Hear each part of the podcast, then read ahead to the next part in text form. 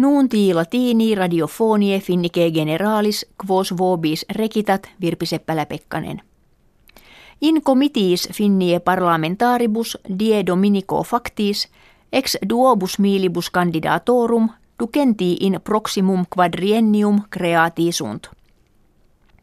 Factio centralis in novo parlamento unde quinquaginta delegatos habet finni fundamentales duode quadraginta conservativi triginta septem demokrate sociales triginta quattuor virides quindecim confederatio sinistra duodecim factio popularis svega novem demokrate christiani quinque. Demokrate sociales qui octo delegatos amiserunt numquam ante magnitudine quartoloco in parlamento fuerunt. Ad urnas septuaginta centesime ex civibus suffragium habentibus venerunt. Femine in novo parlamento octoginta tres numerantur.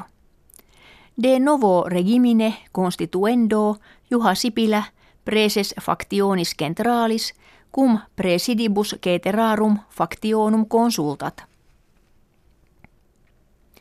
Commissionationum unitarum profugis adjuvandis unionem europeam hortatur ut consilia capiat quibus immigrantes naufragii in mari mediterraneo reperiantur et efficacius adjuventur.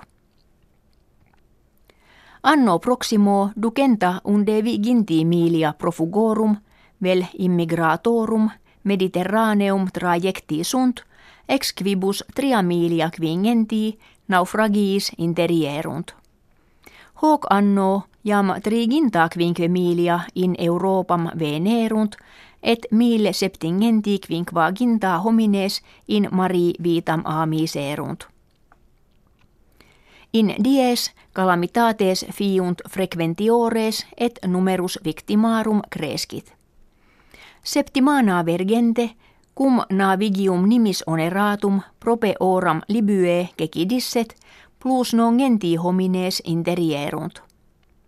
Matteo Renzi, primus minister Italiae petiit, ne Italia ad immigratores salvandos sola relinqueretur. Presidens Frankie François Hollande flagitavit, ut itinera diligentius vigilarentur, quibus clandestini hominum importatores uterentur. Idem monuit pluribus navibus et aeroplanis opus esse quibus importatio hominum clandestina impediretur.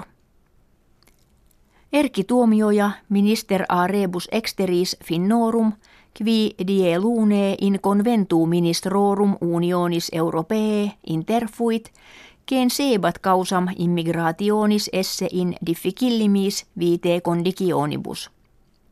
Seva paupertate, bellis gestis, juribus humanis violatis, nec non discriminatione homines impelli ut domibus relictis vitam periclitarentur. Vladimir Putin, presidens Russie affirmaavit, se ad cooperationem cum americanis paratum esse, quia Russia et USA, multa studia et commoda communia haberent.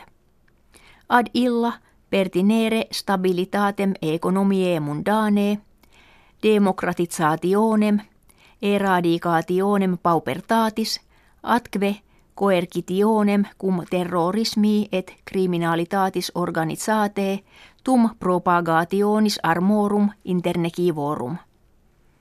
Neque interesse quis in comitiis anno proximo futuris presidens Americanorum crearetur, nam cooperationem non ad personam sed ad civitatem spectare.